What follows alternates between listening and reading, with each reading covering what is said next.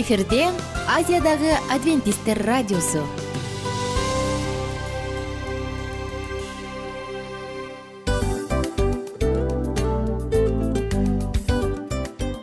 Достор салют.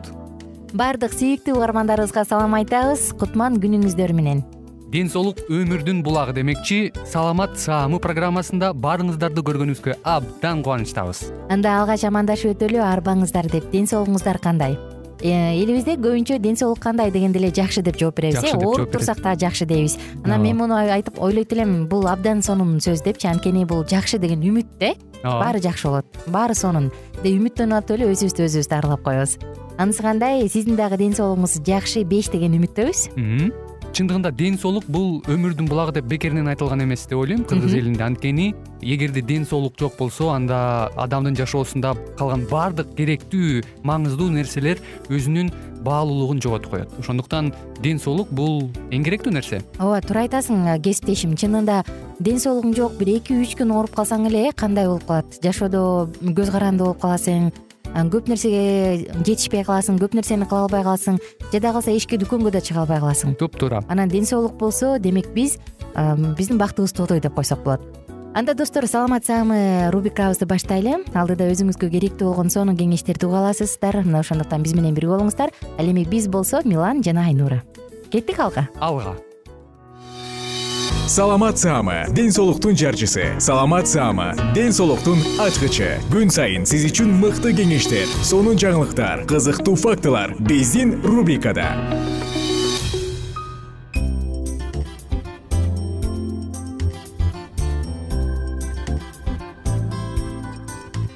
Салют достор. Угармандарыбыздын баардыгына ысык салам айтабыз. Кызматтуу түгүн мен айнура миназарова. Кайрадан сиздер менен саламаттуу дене циклин андан ары улантабыз тыңдап жатканыңыз саламат саамы рубрикасы. Бүгүнкү тема нейропротекторлор деп аталат. Акыркы күндөрдө биздин ар бир программабызда оор жана түшүнүксүз терминдер көбөйүп калганын байкап атат болушуңуз керек э? Балким сизге жакпай да жаткандыр. Бирок достор жаңы сөздөрдү жаңы нерселерди үйрөнүү мээ үчүн пайдалуу экенин айта кетели. Бирок нейропротектор деп айтаардан мурун дал ушул жаңы сөз эмне? Бул жөнүндө сөз кылабыз нейропротектор бул антиоксиданттык заттар. Антиоксидант эмне экенин мурунку уктуруулардан уккансыз. Эми болсо алар мээни жана бүт нерв системаларын дайыма нагрузкадан сактаарын айта кетели. Кайсы нагрузка десеңиз албетте интенсивдүү зат алмашуу мээ үчүн чоң нагрузка. Эми болсо достор жогоруда убада кылгандай бүгүн сиздер менен бирге дал ушул нейропротекторлорго бай азык түлүктөр жөнүндө сөз кылып берели. Анткени алардын баардыгы мээнин саламаттыгы үчүн кам көрөт сөзсүз түрдө мындай нерсенин булагы нейропротектордун булагы өсүмдүк азыктарында алар кадимки эле табигый түрүндө же бир аз гана иштетилген болушу мүмкүн. Анан кээде болсо таң калыштуусу нейропротекторлор бул э, кадимки эле дары чөп чараларда дагы болушу мүмкүн. Достор азыркы заманбап изилдөөлөрдүн баардыгы тең мындай дейт. Учурдагы ар кандай иштетилген оор азык түлүктөр альцгеймер паркинсон ооруларын склероз жана акылсыздыкты же болбосо аз акылдуулукты өтө көп өөрчүтүп жатканын айтышат. Мына ошондуктан канчалык азык түлүк туура эмес боло турган болсо демек адамдын интеллектуалдык иш аракети психикалык стабилдүүлүгү ар кандай болуп калышы мүмкүн. Анан дагы туура тамактансаң ал адам мээнин картаюусун басаңдатат. Кеттик достор анда жогоруда убада кылгандай теманы баштадык мээ өзүнүн жашоосунда эркин радикалдардан бир топ соккуларды көрүп турат. Эркин радикалдар анын жакшы клеткаларын тагыраак айтканда нейрондорду бузгулары келип турат. Эми болсо дал ушул соккулардан качып кутулуш үчүн же болбосо анын кесепетин алсыз азыраак кылыш үчүн эмне кылыш керек. Кандай кылганда биз өзүбүздү коргой алабыз? Элестетиңиз бирден бир соккуну алдын алып койсо болот а экинчисин сен качып кутула албайсың. Анын артынан сөзсүз түрдө негативдүү кесепет болот. Анан анын баардыгы убакыт өткөн сайын чогула берет. Сериалдарга окшош туурабы? Тилекке каршы мээнин нейрондору дененин кадимки клеткаларына окшош эмес. Мисалы терени денени терини сыйрып алганда жаракат алганда алардын баардыгы өзүн өзү калыбына келтирет эмеспи? А нейрондор андай эмес. Элестетип көрүңүз эгер нейрон жабыркаса аны жаңысы менен кайрадан калыбына келтирип кое албайсың. Ар бир нейрондун жоголушу өзүнүн артынан сөзсүз түрдө бир жаман жөндөмдүү жаман нерселерди алып келет. Тагыраак айтканда жөндөмдөр улам төмөндөй баштайт. Биздин кабыл алуубуз биздин түшүнүктүүлүгүбүз начарлайт.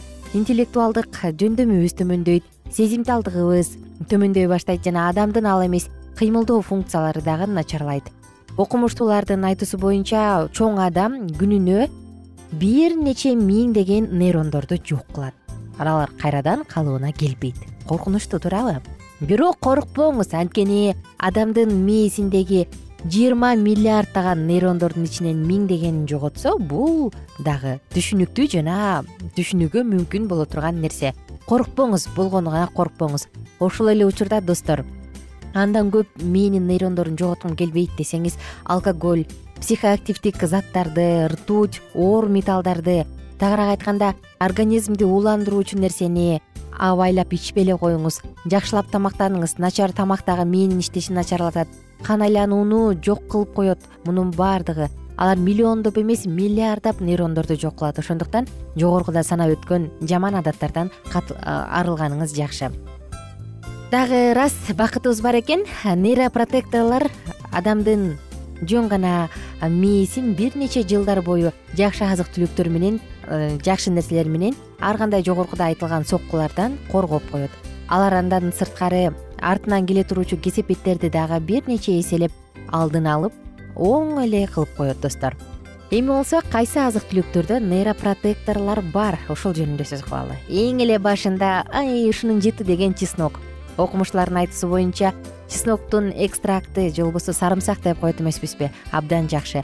Ал адамдын кан айлануусун жакшыртат мээге кандын айлануусун алып келет жакшыртып холестериндин деңгээлин төмөндөтөт жана кычкылдаануу процессин жок кылат жана андан сырткары кан тамырдын артериялердин капталдарында ар кандай нерселердин чогулушун алдын алып коет достор. Ошондуктан көбүрөөк сарымсак жеңиз ал андан сырткары стресс жана суук тийүү сезгенүүлөрдү жок кылат. Эркин радикалдарды жок кылат агрессивдүү молекулаларды жок кылып коет. Ошондуктан клетканын картаюусун басаңдатып эң сонун антиоксиданттык касиетке ээ. Көбүрөөк күнүнө бирби экиби колдон келишинче көбүрөөк чеснок жеңиз. Дагы бир сонун азык бул кара моюл черника деп коет эмеспизби кара моюл дагы кычкылдаанууга каршы жана коргоочу сонун касиетке ээ анын кара көк болгон өңү бул флавоноидтердин натыйжасында. Флавоноид эң сонун ал нейрондорду жакшы коргойт. Кайсы бир убакыт өтө аз калды. Бир бир мисал айта кетейин. Бир жерде лабораторияда чычкандарга изилдөө жүргүзүшөт. Анан ал жакта жогоруда айтылган кара моюлду көп жеген чычкандардын нейрондору он жети пайызга гана жоголгон ал эми кадимки эле тамак менен азыктанган чычкандардыкы кырк пайыз жоголгон. Элестетип көрүңүз адамдын мээсинде дагы дал ушундай сонун нерсени пайда кылат. Жана дагы бир азык бул кунжут. Кунжутту көбүрөөк жеңиз. Ал нейропротектор жана антиоксидант ал темирдин кальцийдин жана башка минералдардын булагы көбүрөөк жегенге аракет кылыңыз. Достор кунжут дагы бир жолу айталы кара моюл жана чеснок сарымсак жөнүндө сөз кылдык. Дал ушул азыктардын баардыгы табигый нейропротекторлор. Булар паркинсон альцгеймер оорусун алдын алат. Жана склероз акылсыздыкка алып келүүчү ар кандай оорулардын баардыгын тең алдын алат. Көбүрөөк тамактаныңыз көбүрөөк пайдалуу азык түлүктү жеңиз анткени биз эмне жесек ошолбуз баарыңыздар менен убактылуу гана коштошом. Алдыдагы күндөрдө буюрса кайрадан үн алышып кайрадан сүйлөшөбүз кайрадан баарлашабыз. Баарыңыздарга кааларыбыз ден соолук жана дагы бир жолу ден соолук аман болуңуздар бар болуңуздар. Саламат саама ден соолуктун жарчысы. Саламат саама ден соолуктун ачкычы. Күн сайын сиз үчүн мыкты кеңештер сонун жаңылыктар кызыктуу фактылар. Биздин рубрикада салют замандаштар баарыңыздарга ысык салам. Дил маек программабызга кош келиңиздер. Дил маек рубрикасы дегенде эле бул эмне болгон дил маек ким менен маектешебиз деп сурайт болуш керек угармандарыбыз бул рубриканы кыскача тааныштыра кете турган болсок ар тарап кесип ээлеринен болгон сонун интервью кеңештер бар. Ооба. Жылдыздар менен болгон маек бар. Аталарыбыздын агаларыбыздын чоң аталарыбыздан сонун кеңештер бар.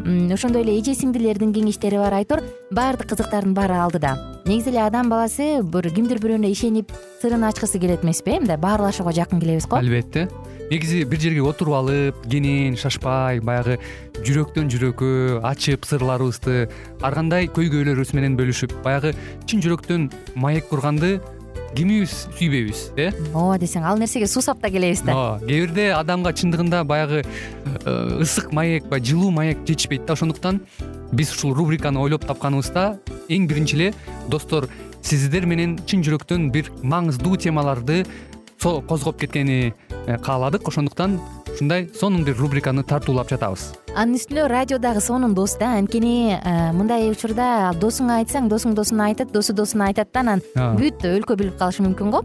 А радио болсо сени сатпаган сенин айыбыңды ачпаган.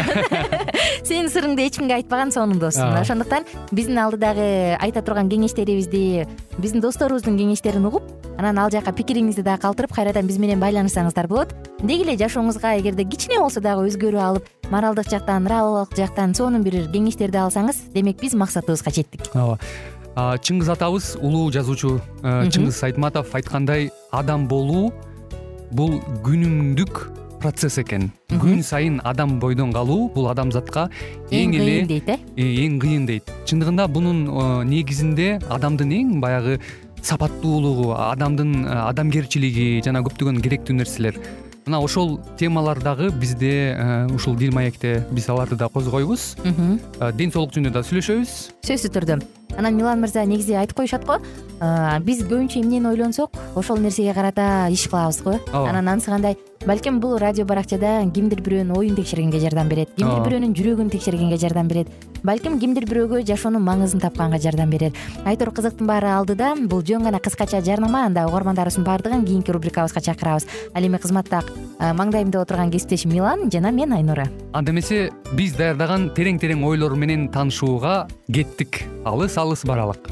Анда эмесе достор биз менен бирге болуңуздар. Алдыда эң кызыктуу маалыматтардын баардыгы бир нече мүнөттөр бою жалгыз гана сизге арналат мына ошондуктан жакшы маанай менен угууну каалайбыз. Үн алышканча. Жөнөдүк. Ар түрдүү ардактуу кесип ээлеринен алтын сөздөр жүрөк ачышкан сыр чачышкан сонун маек дил маек рубрикасында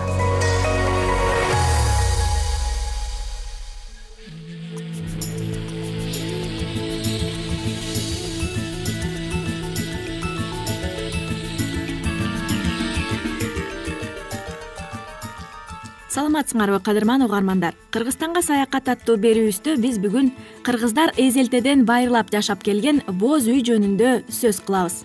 Кыргыздын боз үйү элдин сергек акылынан чыккан чебер колунан тамган теңдешсиз өзүнчө өнөр ал укмуштай айкелдик көркөмдүккө математикалык так эсепке жана физикалык тең салмакка ээ жалаң мал чарбачылыгын аркалаган эл каалаган жерге мейли тоодо мейли түздө жашоого бирдей оңтойлуу шарт түзгөн үйдү жаратып алуусуна жашоо тиричилиги өзү мүмкүндүк берген. Калк жашаган жайларда керектүү жыгачтар чыккан. Кыргыздар боз үйдүн мына ушундай түрүн жаратышы үчүн турмуштук таажрыйбаларынын талантын акыл ойлорун жана кол өнөрчүлүгүн жумшаган көчмөн элдердин биргелешкен акыл оюнан жаралган жеңил десек жеңил чечкенге тиккенге оңой жайында салкын кышында жылуу жөнөкөй улуу эстелиги ыйык куту жана кол өнөрчүлүгүнүн туу чокусу. Көчүүдө жеңил каалаган жайга кондурууга ылайыкталган жана жаан суусун тез агызган. Табияттын ар кандай таасири күчүндө туруктуулук кылган боз үйдүн ичине от жагууга жана жылуулукту сактоого да оңтойлоткон түндүк көтөрүү кыргыздар жашоо шартына ылайык боз үйдүн жүктөмө түрүн кабыл алышкан. Алачыктардын көчүрүп жүрүүгө ылайыктуу түрлөрүн андан ары өнүктүрүлгөн түспөлү катары каралат. Боз үйдүн жыгач тулкусуна узанган усталар чыныгы архитекторлор жайып тиксе тең салмакты сактап кыз кыясындай келишимдүү бүктөп койсо бир бөлүк жүк көчүп конууга ылайык. Тоолуктардын сыймыктуу бул мүлкүнүн көлөмү албетте ар кандай болот. Үйдүн жыгачы он эки канат сегиз канат алты канат төрт канат же жүз баштуу сексен баштуу жетимиш баштуу элүү баштуу деп айтылат. Чоң кичинесин далилдеген үйдүн башы сайылган ууктарын саны менен өлчөнөт.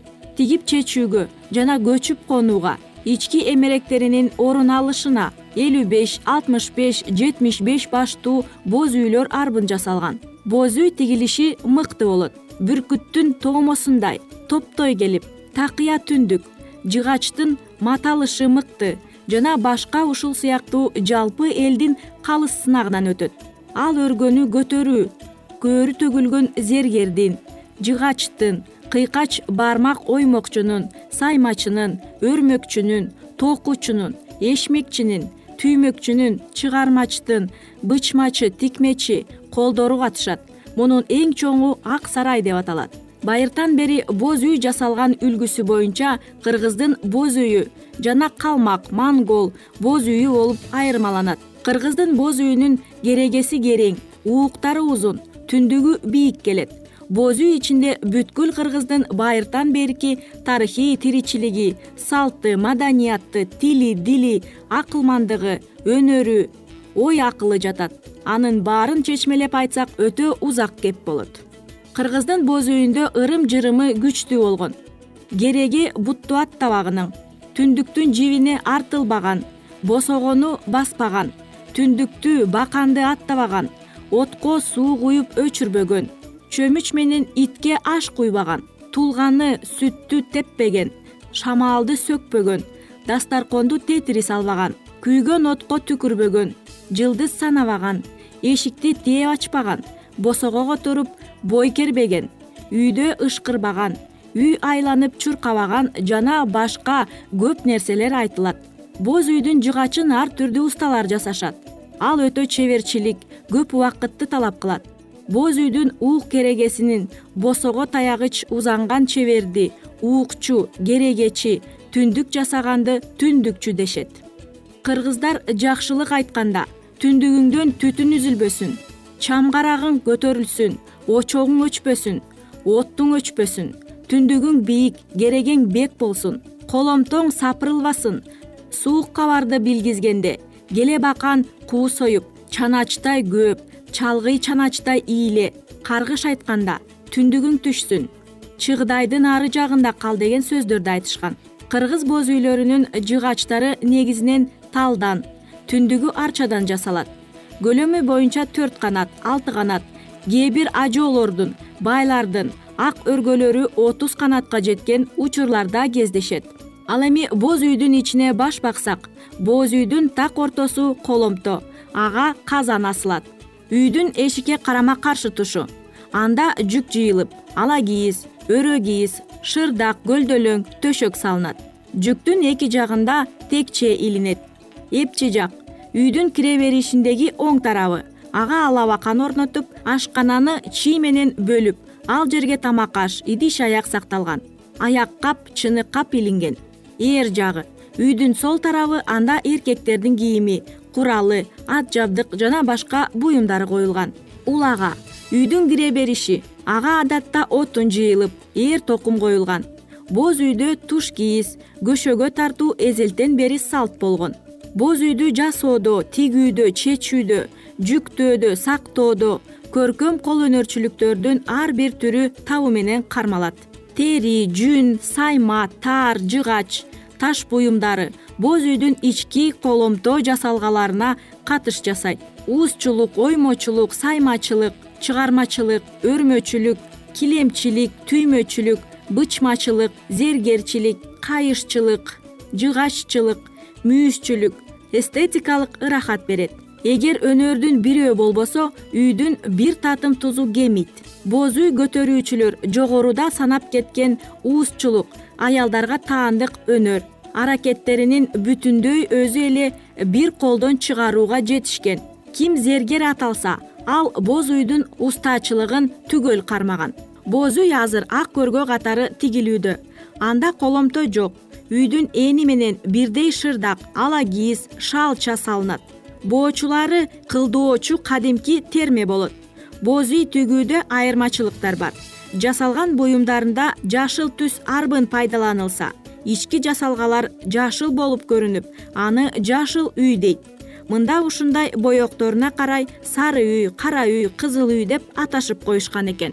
Достор ушуну менен биздин убакыт соңуна келип жетти. Угушканча сак саламатта калыңыздар. Ар түрдүү ардактуу кесип ээлеринен алтын сөздөр жүрөк ачышкан сыр чачышкан сонун маек. Дил маек рубрикасында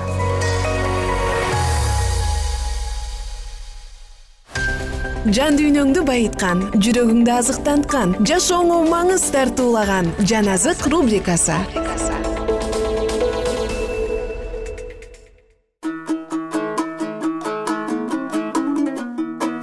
Арбаңыздар кадырлуу кыргыз калкы жана баардык угармандар сиздер менен бирге улуу күрөш китебин улантабыз. Биз менен бирге болуңуздар. Кудайдын берген убадаларынан күмөн санап жана анын ырайымына ишенбесе андай адамдар анын ысымынын баркын түшүрүшөт жана өз үлгүлөрү менен башкаларды кудайга алып келүүнүн ордуна аларды кудайдан алыстатышат. Мындай адамдар жемиш бербеген дарактарга окшош ал өзүнүн чоң жалбырактуу бутактары менен алдындагы өсүмдүктөргө көлөкө түшүрүп аларды өстүрбөй салат. Бул адамдардын баркы баардык өмүрү өздөрүнө каршы гана күбөлүк алып келет. Алар күмөн саноо жана ишенбестик күрөөнүн себишет жана ошого жараша түшүм жыйнап алышат ким чын эле күмөн саноолордон арылууну каалай турган болсо алар үчүн бир гана жол бар. Өздөрү билбеген ойлоп тапкан суроолорду берүүнүн жана сындоолорго катышуунун ордуна алар өздөрүнө төгүлүп жаткан жарыкка жол ачышы керек. Ошондо аларды андан дагы толук жарык жаркырата баштайт. Алар өздөрүнө түшүнүктүү болгон гана милдеттерди аткарышты керек. Жана ушул нерселер азырынча күмөн саноолорду туудуруп жаткан чындыктарды түшүнүүгө жардам берет кимге али өзүнүн кызыкчылыктарын калтыруу жана өзүн арноо бейтааныш болсо аларга шайтан айлакердик менен жасалган жалгандыгын сунуш кылат. Жана ким алдангысы келсе аны чындык катары кабыл алып чындыкты билүү үчүн чындыкты кабыл алууга умтулууга жөндөмсүз болот. Машаяк өзү чындык жана ал дүйнөгө келген ар бир адамды жарыкка салат. Адамдарды ар кандай чындыкка салуу үчүн чындыктын руху асмандан жерге берилген жана кудай уулу ишенимдүүлүк менен мындай деп айткан.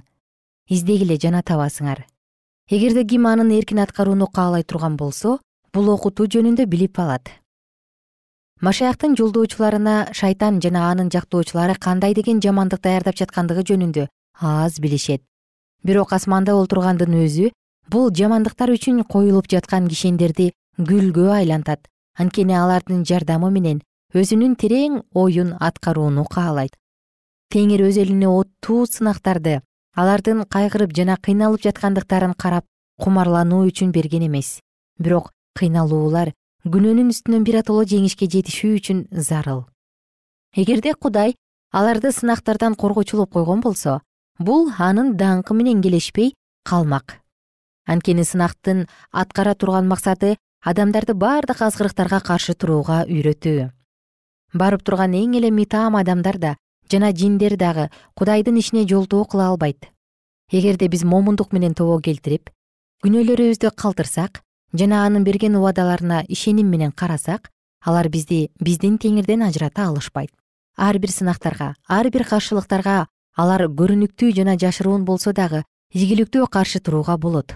Аскер жана күч менен эмес бирок менин рухум менен дейт ааламдын теңири теңирдин көзү адилеттүүлөргө каралган жана анын кулактары алардын сыйынууларында.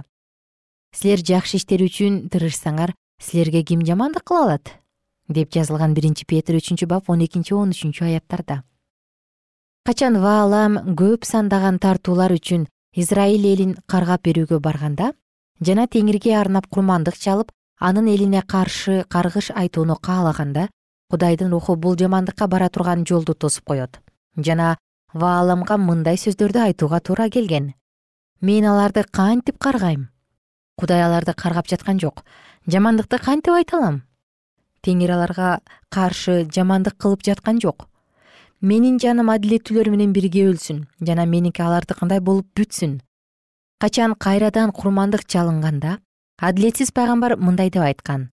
Мына мен алкай баштадым. Анткени ал өзү алкап жатат жана мен муну өзгөртө албайм жакыпта мүшкүл көрүнбөйт. Израилде бала байкалбайт. Кудай анын теңири.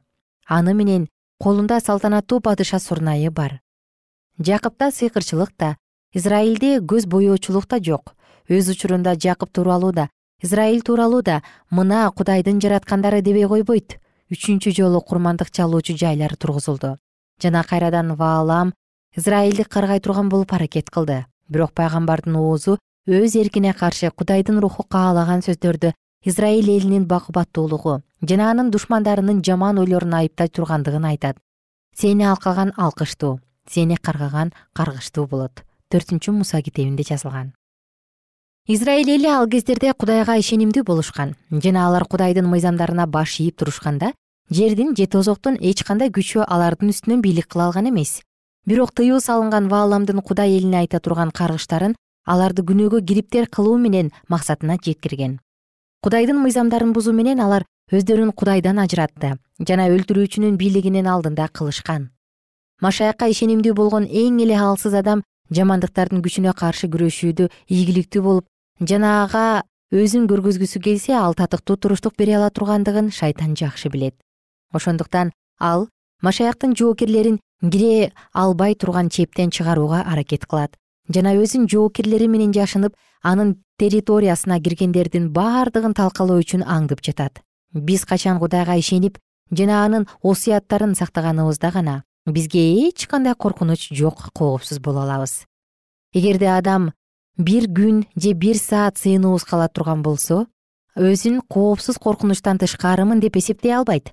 Биздин теңирден өзгөчө анын сөздөрүн түшүнүү үчүн даанышмандык суранышыбыз зарыл ал жерде азгыруучунун бардык жашыруун айлакерликтеринин айыбы ачылган.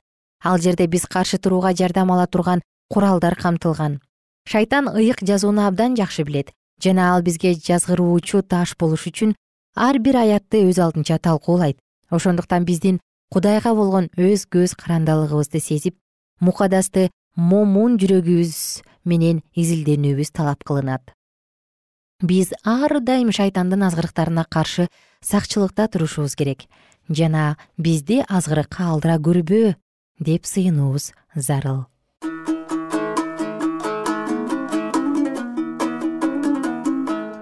Кымбаттуу досум сиз дагы баардык учурда өз жаныңызды жакындарыңызды балдарыңыз бар болсо балдарыңызды жолдошуңузду келинчегиңизди жаратуучунун колуна сыйынууда тапшырганды унутпаңыз анткени ал эң жогорку коргоочу. Баарыңыздар менен кайрадан кийинки уктуруудан амандашканча сак саламатта туруңуздар. Күнүңүздөр көңүлдүү улансын бар болуңуздар. Кайрадан салам дегенчекте